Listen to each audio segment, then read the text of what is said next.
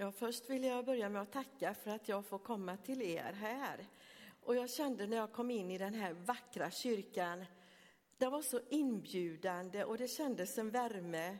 Eh, ni ska vara glada över den här fina kyrkan. Det var helt underbart att komma. Man kände sig omsluten på något sätt.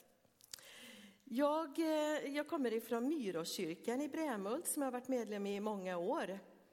Eh, och det var någon som kände igen mig här också och det kanske det berodde på att jag har eh, jobbat här i Ulricehamns stad i socialtjänsten fyra år innan min pensionering och jag jobbar fortfarande kvar extra på ett ungdomsboende, Ungbo, här i Ulricehamn.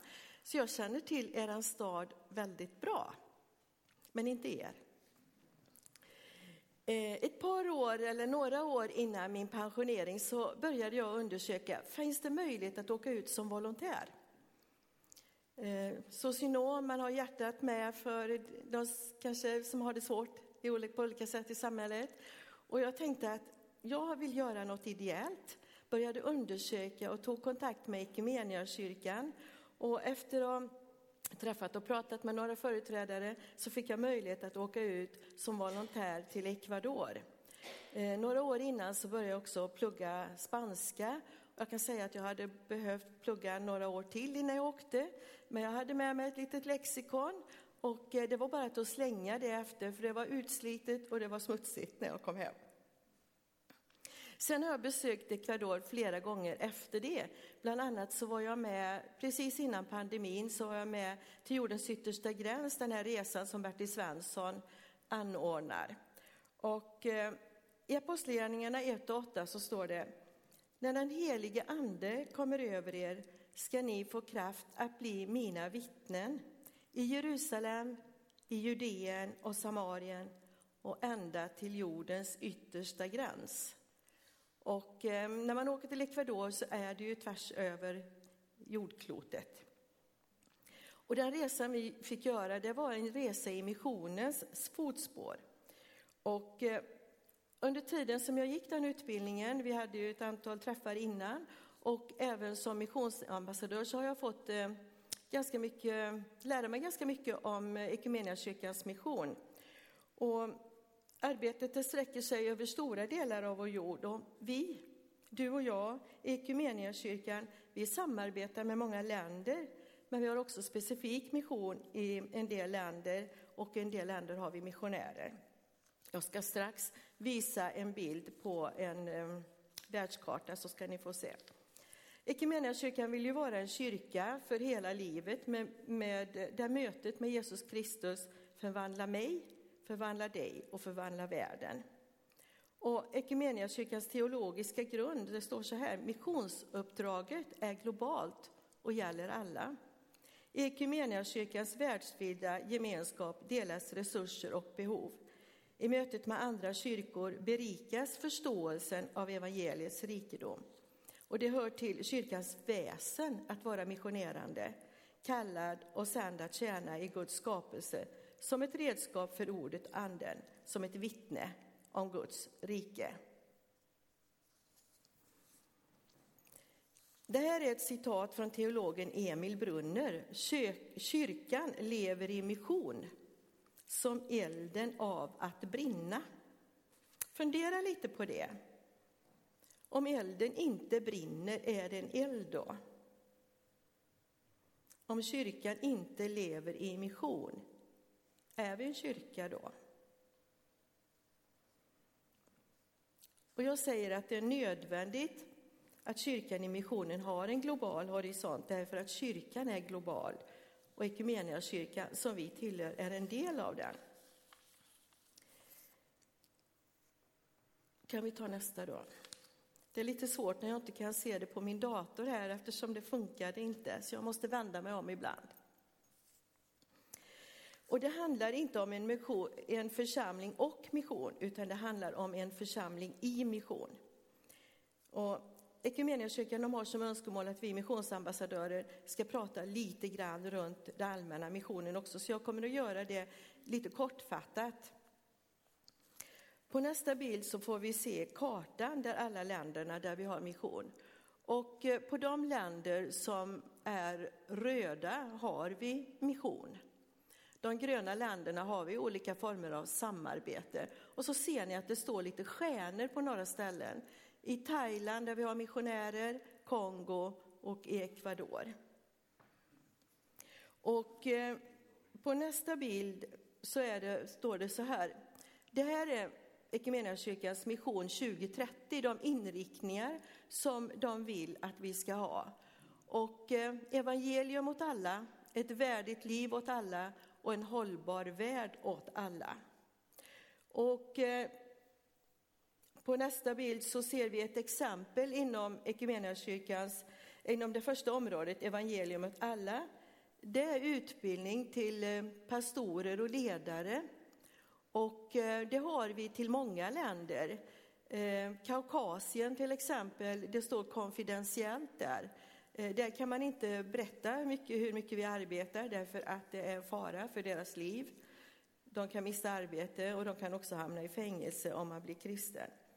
Och vi, vi hjälper till i många länder med detta. Och ett exempel som jag också fick höra det var ifrån att många pastorer utbildas i Libanon som kommer ifrån Syrien.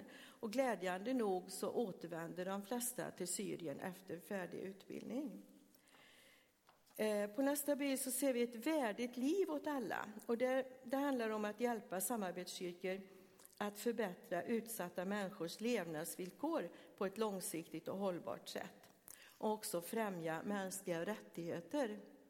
Och här ser ni exempel för barnhälsovård och vaccinationer. Och ni vet ju också, det tror jag ni känner till, Hälsa för alla i Kongo har nog de flesta hört talas om, ett arbete som Equmeniakyrkan har stött i många år. Då. Eh, sen har vi Equmeniakyrkan och stödjer också miljö och klimatprojekt. Och i Kongo Brazzaville så eh, har man ett projekt där man eh, driver upp träd och man har det tillsammans med eh, staten där, men det var meningen att staten skulle leverera träden, men eh, så har det ju inte blivit, utan de får nog fixa detta själva, vilket de har gjort. Och eh, man, man, planterar träden för att kunna, dels kan man skörda trä, men också för att frukt och gröns, eller vad heter det, frukt och bär och sånt som kommer på träd. Eh, och en eh, hade berättat, eh, vi har lyssnat på en, kong, en kongoles som berättade om att en god vän hade känt att det här var ju viktigt. Vi hade planterat, de hade planterat träd och så blev frun i familjen sjuk och då kunde de avverka ett träd för att kunna ha till den kostnaden för sjukvården. Och sedan på nästa bild så kommer vi att se, ja, det här var de här personerna som åkte ut förra året Tilda Jönsson åkte till Kongo och Gunilla Westnabon som vi har sett. Gunilla Westnabon är våran missionär i våran kyrka också.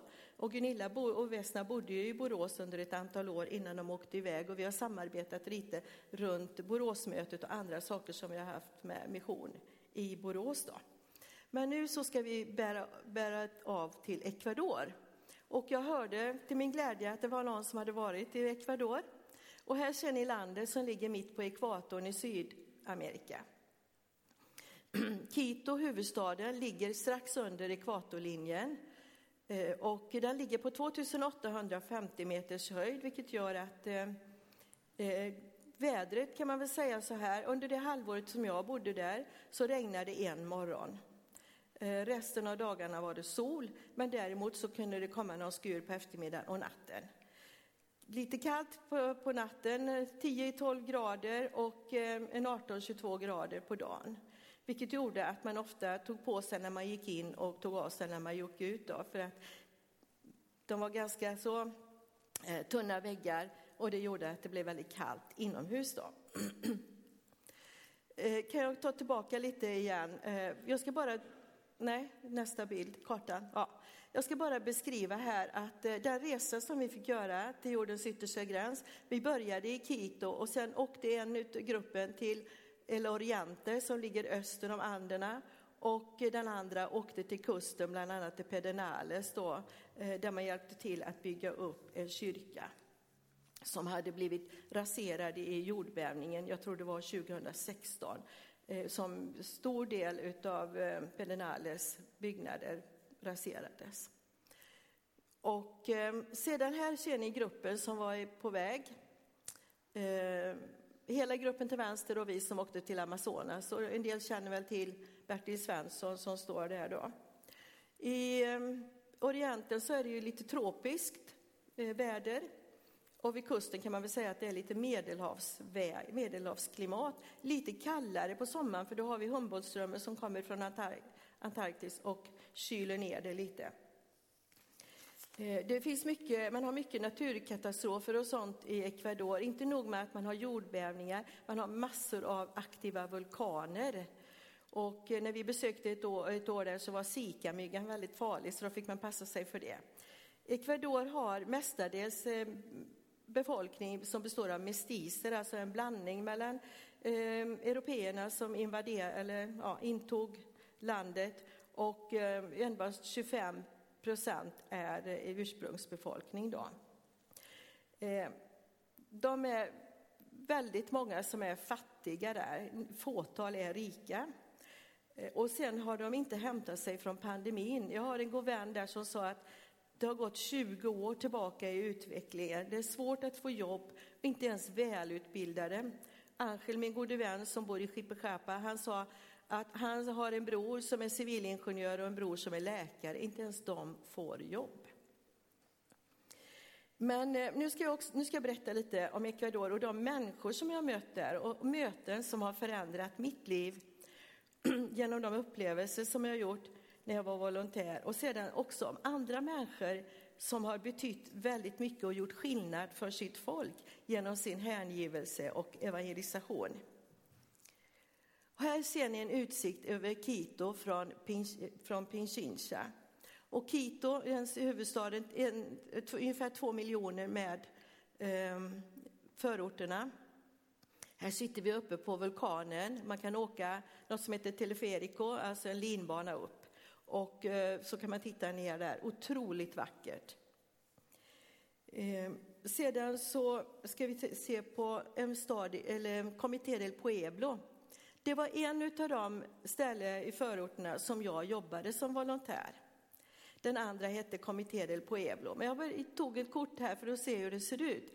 Det är, de här träden ni ser här, det är de enda träden där i Comité del Pueblo och där bor ungefär 40 000 personer. Eh, smutsigt, hundar går lösa på trottoarerna, eh, väldigt ofräscht. Eh, men det finns en eh, väldigt varm församling där.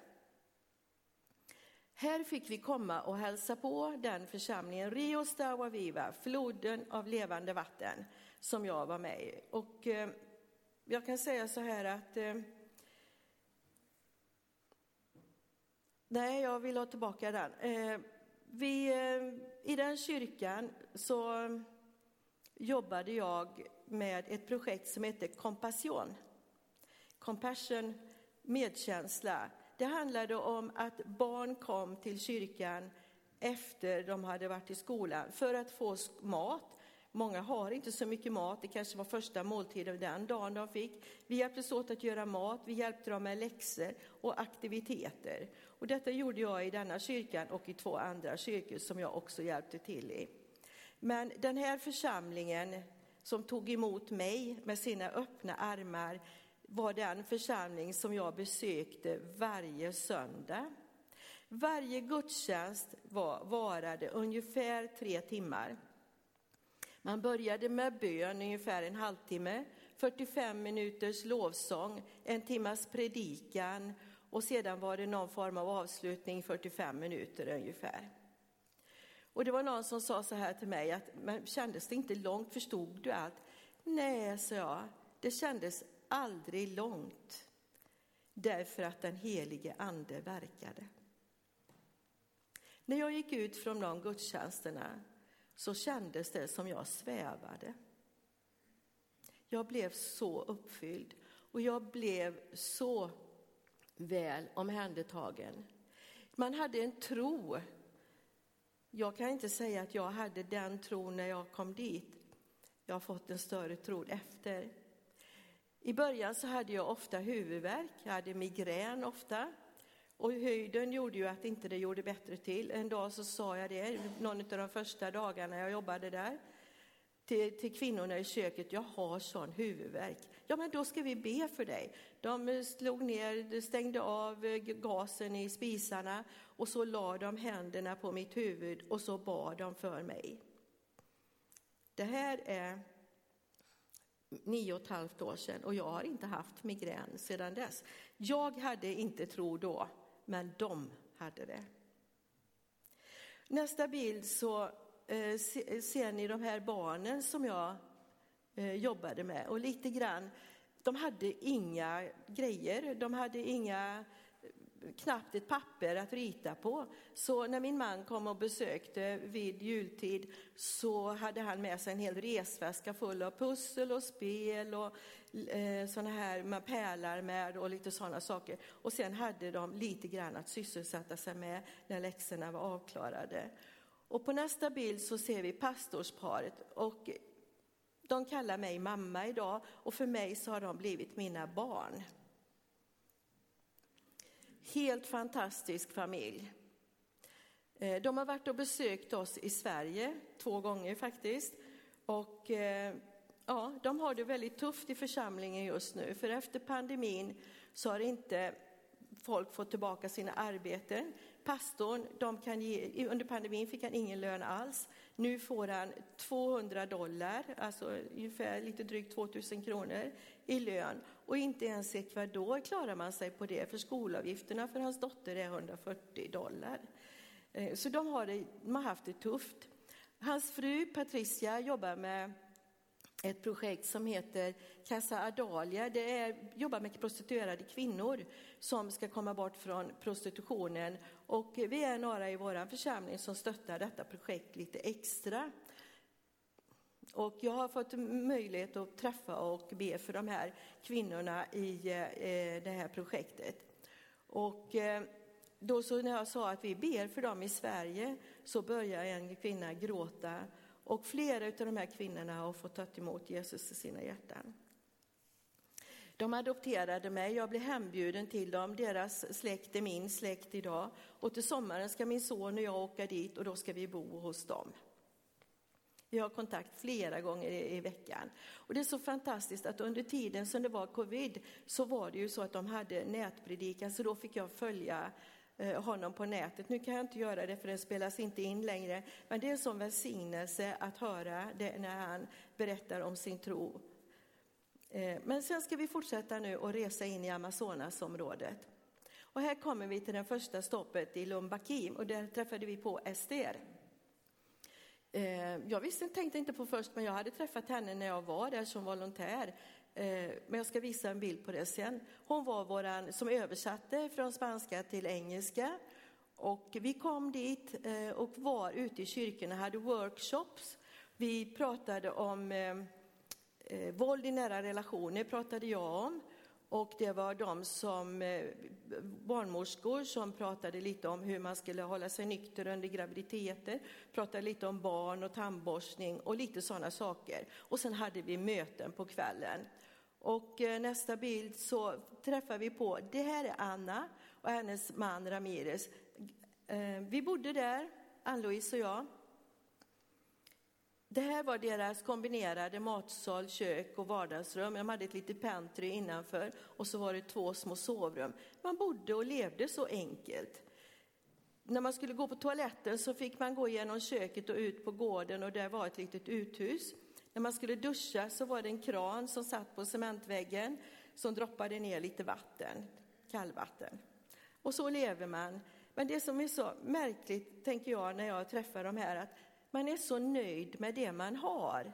Inte bara avundsjuk på dem som har det bättre, utan man är nöjd och man är tacksam till Gud för det man har. Ramirez där, han högaktade sin fru, hon var ordförande i församlingen och han var förtidspensionär och han servade mycket hemma. Det är inte vanligt kan jag säga i Ecuador där man har en machokultur. I alla fall så hade vi de här mötena på kvällarna där vi fick sjunga och eh, eh, varje, varje gång så sjöng vi O store Gud och därför ska vi sjunga den direkt efter jag har pratat här också idag. Det var så här att när vi började sjunga den så stämmer alla i kyrkan upp, för den finns översatt på så många olika språk. Spanska och flera av de här språken som ursprungsbefolkningen har. Och de har plåttak där och så det kändes precis när de började sjunga, nu lyfter sig taket. Så jag ska se hur det blir här när ni sjunger och står i Gud sen här, om taket lyfter sig här också. För de sjöng verkligen med hjärtat.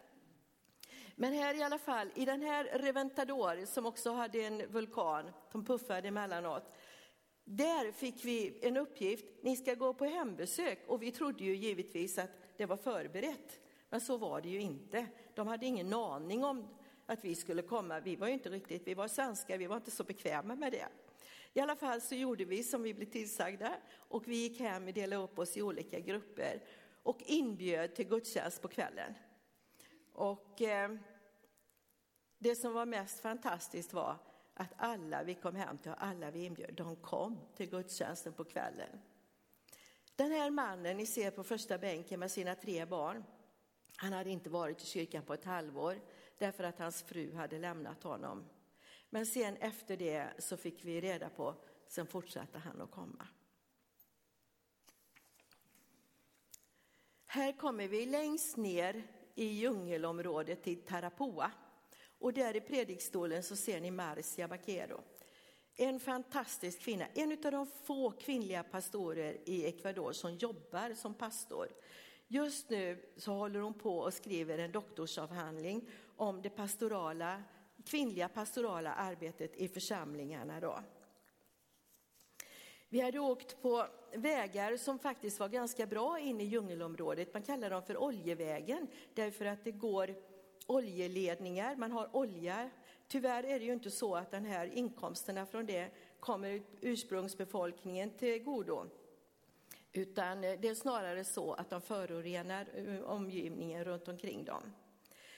Marcia, när jag träffade henne första gången, det var när jag var volontär, då höll hon på att skriva en bok eh, där, eh, som man skulle använda i kyrkorna för att hur barn skulle värna sin kropp. Barn som eh, var risk för att man utsattes för våld och sexuellt eh, utnyttjande. Då.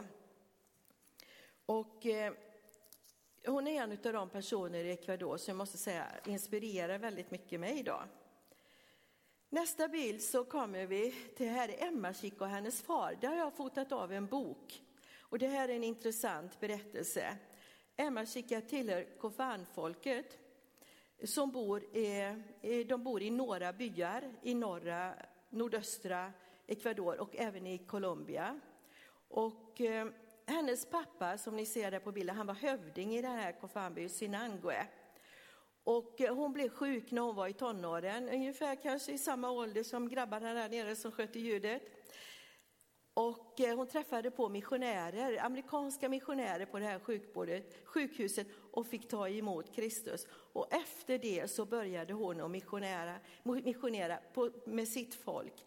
Hon utbildade sig till eh, lärare så hon kunde undervisa både i spanska och på kofan. Och inte nog med det i sin egen by, utan även i nybyggarbyarna runt omkring spred sig evangeliet så att det där nu finns många kyrkor. Eh, och det var flera ungdomar som kom till tro och de började pastorsutbildning och det är fantastiskt. Och vi besökte flera av de här församlingarna då. Och under tiden vi var i eh, i, där. Titta här, här är Emma Chica. Vi fick möjlighet att träffa denna legendariska kvinna. Helt fantastiskt. Här står den omgiven av sina barn och barnbarn. Och den här pojken där, största pojken, han sjöng solo sen på en gudstjänst som vi fick lyssna på. Och eh, det var en, det var en sån glädje att kunna få, få se henne. Vi fick också besöka byn då, som heter Sinango. Vi gick över en liten ja, skranglig eh, bro kan man säga, den var nog skrangligare än vad vi såg då, för att några månader efter så rasade den. Eh, och männen där, minga kallas det på, det på språket, och det betyder att man eh, gemensamt hjälps åt att eh, göra något arbete. Som när ni städar en kyrka här till exempel, så har ni minga. Men det här var det i alla fall männen då som klippte gräset och vi fick möjlighet att titta på kvinnorna här på nästa bild. Då. Eh, och prata med dem. Först kom hövdingen och eh, lovade att vi skulle få göra detta. Och sen samlade vi dem. Och där hade vi också en workshop. Och jag pratade bland annat om våld i nära relationer. Och de var så mottagliga. Det var flera stycken som berättade att de hade blivit slagna. I den här byn om du gifter dig med någon som kommer utanför byn så får du inte bo kvar där. Man måste alltså gifta sig med någon.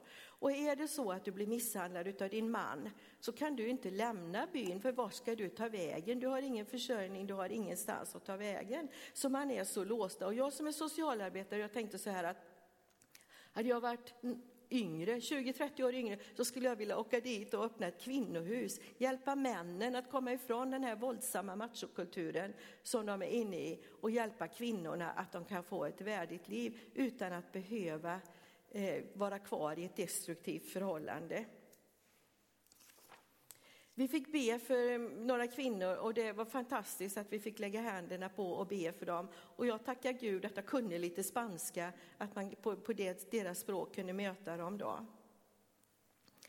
Men sen återvände vi till Quito, och sen åkte vi till Cayambe och det ligger norr om Quito, också på berget. Och de har en, eh, ett, en sjukstuga kan man säga, som eh, kyrkan driver. Vår systerkyrka heter Del Pacto Evangelico och de står bakom denna kyrka. Och de står också bakom nästa eh, här skola som heter Quarto Lote. Det ligger på 3500 meters höjd. Om ni tittar noga på de bilderna där så ser ni att barnen har väldigt röda kinder. Och det är ju färgat av den kyla som man har hela tiden där.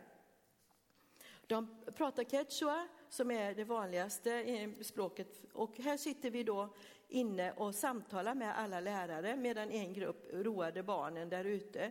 Eh, Bertil Svensson är också med, jag tror inte han är med på bilden, men hans fru sitter med där. Hon finns ju tyvärr inte längre med oss, hon lämnade oss något, något år efter detta.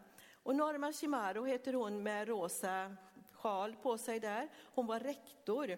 Hon säger så här, barnen, gemenskapen med de andra lärarna och min kärlek till Gud är det som gör att jag fortsätter att jobba här. Hon hade två timmar enkel resväg varje dag. När vi sitter där och pratar om hur viktigt det är att man ska se att barn blir tecken på att barn blir eh, skadade eller alltså utsatta för våld i hemmet så reser sig Fredrik som var med här. Jag kan berätta detta för han har gått ut med detta själv. Han sitter där med keps på sig och reser och säger så här. När jag kom till skolan en dag när jag var barn så ville jag inte sätta mig. Och min lärare sa, du måste sätta dig. Nej, jag vill inte, sa han. Så han blev utskickad i korridoren. Och efter en stund så kom läraren och hämtade honom. Vill du komma in och sätta dig? Nej, han ville fortfarande inte sätta sig. Och då blev han skickad till kuratorn. Och då uppenbarade det sig att han var så svårt misshandlad på rumpan att han inte kunde sitta. Och då så sa Norma så här, vi måste bli bättre på att se tecken hos barn som far illa. För i den här kulturen så är det många som far illa. Tar vi nästa. På kvällen så fick vi en riktig överraskning. Noevo Camino kom och spelade. Består av ett antal pastorer och några till som spelade ecuadoriansk folkmusik, kristen folkmusik. Och det var precis det som ni fick lyssna på när ni kom in här idag. Eh, Canto de Corazon, hjärtats sång, hoppets sång, kärlekens sång handlade det om.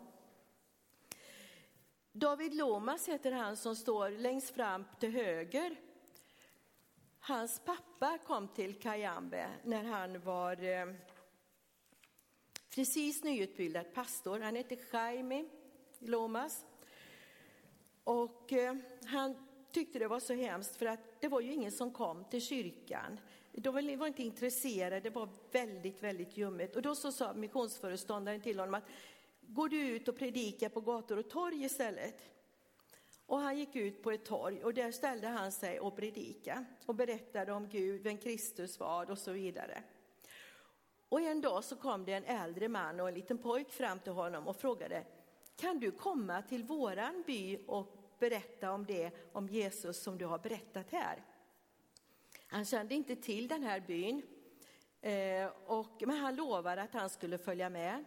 Och då hörde till saken, det fanns ingen elektricitet i den här byn, men de hade en transistorradio och de hade lyckats få in andernas röst. Ni som är äldre känner igen detta. Och där hade de blivit presenterade för Kristus och blivit intresserade. Så den här Jaime, han började gå och promenera till den här, de hade en häst med sig. De höll på hela dagen och gå. Det fanns inga vägar, inga stigar. Och de kom långt upp i berget till en by som heter Oyakachi. Och där var människor som var undernärda. De var otroligt fattiga. Eh, när de blev sjuka så klöv de ett marsvin och la på såret. Vanligtvis så äter man ju marsvin, men här tog man det på såret. Det fanns en som hjälpte till vid förlossningar, men många, många mödrar dog och många barn dog. Man hade inte förstånd att använda maten, råvaror på rätt sätt.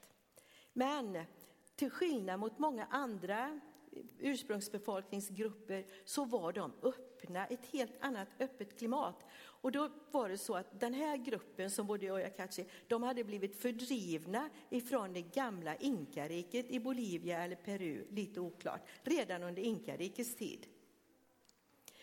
Och där fick man då möjlighet att predika evangelium för hela människan. Och de var så vidskepliga, men idag är fortfarande tre fjärdedelar av byn kristna, evangeliskt kristna. Och de har fått hjälp att starta en skola. För tidigare den läraren som kom dit och skulle undervisa barnen, när hon skulle gå till stan och hämta sin lön efter första månaden så kom hon aldrig mer tillbaka. Men de har utbildat, som är i sin egen by, så de har bra skola. De har fått hjälp att utveckla sitt träsnideri. De har fått mödravård, hälsovård, sjukvård och eh, hjälp med textil och sånt, eh, skrädderi och sådana saker. Och sen vet ni vad, mitt i ödemarken, men nu finns det en liten smal väg dit, så har de ett vattenland därför att de har en, en eh, varma källor. Och jag besökte faktiskt den byn när jag var där. Och jag hade ingen aning om dess historia när jag var där. Jag blev bara så fascinerad av den här byn. Och jag som är 1,56 ska ni veta att alla var kortare än mig, även männen. Och här ser ni några bilder ifrån byn och sen kommer på nästa bild när vi fick ha gudstjänst där. Och där ser ni att Marcia var med oss redan där. Och om ni tittar väldigt noga så ser ni att SDR också var med där. Så jag hade ju träffat dem där. Alla kom till kyrkan när vi bad att de skulle komma på kvällen och vi hade gudstjänst då. Nästa bild kommer från Casa Hogar. Och eh, där sitter den, vi hade en präst med oss också, han sitter och har lite undervisning med barnen. Casa Hogar är ett transitboende för barn som är omhändertagna på grund av våld eller sexuellt utnyttjande i sina familjer. Där försöker man tillsammans med socialtjänst utreda och se vart de här barnen ska hamna efteråt om de ska hem i sina ursprungsfamiljer eller i någon annan familj. Då. Eh, och likaså här, när vi kom dit så sa Fredrik så här att det kändes som att jag var en av de barnen som satt där. För han har ju också tillbringat tid på ett barnhem. Eh, där har vi Alas de Liberdad, Liberdad eh, Vingar till frihet. Gunilla Eliasson ser ni där. Hon är vår missionär, har varit där i flera år nu i Ecuador. Jag lärde känna henne när hon var och reka lite inför sin missionärsgärning i Ecuador. Hon är gift med en ecuadorian idag, har varit hemma på ett hemmaår och gjort färdigt sin utbildning till pastor. Hon är socionom, precis som jag, och psykoterapeut. Eh, och hon gör fantastiskt mycket nytta. Hon har hjälpt till med det här Allas till Liberdad. Det är för att hjälpa kvinnor att komma ifrån våldsamma relationer, att få ordning på sina liv. Eh, de har vid kusten och hon har varit involverad i det. Gunilla hjälper också till på den skolan som vi tittade på bilder tidigare. Här, La Galleria del Terror, där har man satt upp massa bilder, tidningsurklipp och så. Och det har man bland annat visat pastorerna i vår systerkyrka för att se, så här har kvinnor det. Och detta har gjort att eh, alla manliga pastorer har verkligen sanktionerat det här arbetet så att man kan jobba med det. Och jag hoppas att det ska sprida sig från västkusten över hela landet, för det är så många kvinnor som behöver få hjälp. Och vi har en bild till, tror jag.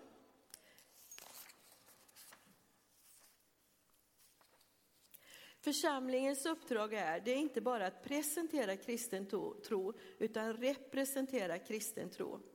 Det är meningen att människor ska se evangeliet i våra liv och gemenskap. Och det var det jag upplevde när jag var i Ecuador. Där kunde man se och uppleva på de människor som var där, att de hade upplevt evangeliet i sitt liv. Nästa. Ni som är intresserade, Equmeniakyrkan har ju startat ett program nu, att man kan åka ut mellan några månader och två år som volontär, precis som jag gjorde. Och jag kan säga att det är det bästa jag har gjort i mitt liv. Det finns ju också det här att man har eh, APG 29 för ungdomar, att motivera era ungdomar att åka iväg på en sån resa.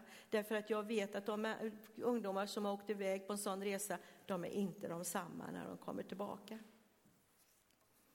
Sista, nästa bild. Här är de som vi träffade på en sån här missionsambassadörträff. Det var några som skulle åka iväg på volontäruppdrag. Eh, Ida och Amanda eh, har, är läkare och så är det några som var sjuksköterskor. Tilda är kvar i Kongo som missionär. Nästa. Den här bilden, det var en fjäril vi såg på vägen till Sinangue. Och den, får, den får symbolisera den kärlek som jag har till landet. Sammanfattningsvis kan jag säga så här att vår systerkyrka Del Pacto Evangelico de arbetar med ett budskap, mission integral, som betyder ett budskap som omfattar hela människan.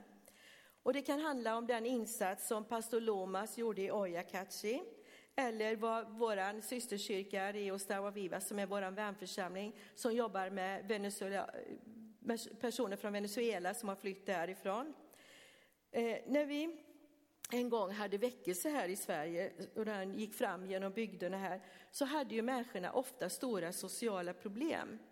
Men det hindrade inte församlingarna på den tiden att välkomna de som sökte sig dit. Och jag tänker så här att när vi vill att människor ska komma till oss i kyrkan så kanske inte vi kan räkna med att de är hela och självgående från början. Det kan behövas hjälp och stöd på vägen. Men hur är det idag då? Är vi så välkomnande? Vill vi lägga ner så mycket arbete och tid på de som kommer till våra kyrkor om vi ser att det kanske blir problem eller jobb för oss? När pastor Washington var här i Sverige så sa han att vi är bekväma. Han såg våra vackra kyrkor, men de var ju inte så välbesökta.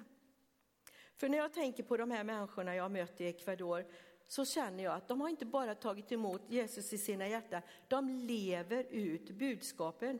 De lever i, de lever av och ut sin tro och kan på så sätt förmedla budskapet på ett så inspirerande sätt. För Jesus finns med hela tiden, inte bara på söndag förmiddag. Den helige ande verkar. Om jag kollar mina ekvadorianska vänners Facebooksinlägg så handlar det om Herrens storhet, hans godhet, deras tacksamhet till Gud och de är tacksamma och glada över det de har.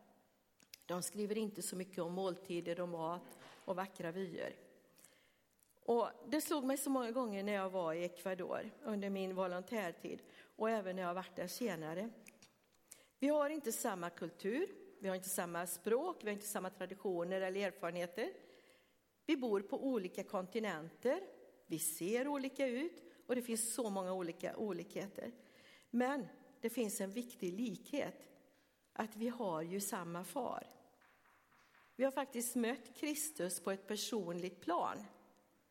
Det överbryggar faktiskt allt. Och den glöd och energi och glädje som jag har mött bland kontakterna med mina vänner, det är faktiskt värt en resa på över tusen mil. Jag har fått motta så många välsignelser och så underbara kärleksbetygelser som jag har fått där. Jag vet en natt så vaknade jag och var så tacksam till Gud att det kändes som jag lyfte mig i sängen. Jag blev alldeles varm i mitt hjärta och var så glad och tacksam till Gud att jag, jag fick vara med om denna välsignelse. Jag vet att den, den helige ande verkar och jag fick möta honom den natten på ett påtagligt sätt. När jag kom tillbaka till Sverige så var det nästan som en chock. att upptäcka hur sekulariserade vi var, även i kyrkorna. Vi tappar besökare och vi försöker anpassa oss. Men jag tänker att Jesus är ju densamme, budskapet är detsamma. Vi kanske behöver ruskas om lite grann. En kvinna i församlingen sa så här vid ett kyrkkaffe. Har du tänkt på det, sa hon. Om 10-15 år, då kanske inte den här församlingen finns längre. Vi är för gamla allihop. Ja, sa jag. Men vem kan hjälpa oss, Vem kan åtgärda det? Det måste ju vara du och jag. Vi har ju alla en uppgift. Vi har så många fördelar här i Sverige. Det är så lätt att vara kristen. Tänker på de som befinner sig i Kaukasien. Men jag vet inte, har vi glömt den första kärleken till Kristus? Den som vi en gång tog emot när vi var brinnande i anden. Som det står om i Uppenbarelseboken 2 och 4. För jag tänker så här att visst vill vi ha mer av den här glöden, energin, uthålligheten, tilliten, kraften och glädjen i Kristus så att vi får mod och styrka att gå utanför våra kyrkor och prata om vad Gud gör i våra liv. Vi har ju också den helige ande i oss. Det är inte bara de som har det. Du har det och jag har det. När vi tog emot Kristus så fick vi det. Jag kan varmt rekommendera vidare utbildningar med Bertil Svensson när man åker iväg på någon sån här resa. De ska göra en resa nu i höst. Så ha ögonen öppna. Vi har ju en uppgift. Det glädjebudskap som vi fick ta del av, det är det vi ska sprida vidare till jordens yttersta gräns. Men också här hemma. Så att vi alla kan få uppleva att vi har en framtid och ett hopp som det står i Jeremia. Vi ber. Ja, jag tackar dig Herre. Tackar dig Herre att du är här just nu. Och att du fyller på med din heliga Andes kraft i var och en av oss Herre. Alla längtande hjärtan du ser här Herre, att få möta dig igen och igen på ett personligt plan. Så att vi ser att vi kan komma i den funktion som du vill att vi ska vara, Herre. Jag ber för denna församling här i Ulricehamn som betyder så mycket för så många. Jag ber för deras verksamhet här i kyrkan, deras barn och ungdomsverksamhet och för var och en som finns här. Tack att du ska fortsätta leda, välsigna och bevara denna församling. Och tack Herre att jag fick möjlighet att dela det som jag har varit med om. Amen. Får jag bara säga en sak till. Det här satte jag upp här ute. Internationell mission står det, studiecirkel. Och vet ni vad? Vi har den i Borås. De har haft den i Skara, eller om det var Skövde, och Göteborg. Och nu får vi den till Borås, Myroskyrkan till och med. Det tar inte en halvtimme ens att åka till Borås. Här står det vad ni kan anmäla er. Det skulle vara fantastiskt roligt om vi kunde få ett gäng ifrån Ulricehamn. Jag sätter upp den här ute och ni får titta. Helt underbara föreläsare. Cecil Larsen som pratar om Kaukasus bland annat. Gunilla Ekman-Påsa, mänskliga rättigheter och Hans Dahlgren och Ulla Bratte. Välkomna att vara med på den. Och nu så ska vi sjunga O store Gud så att taket lyfter sig. Varsågoda.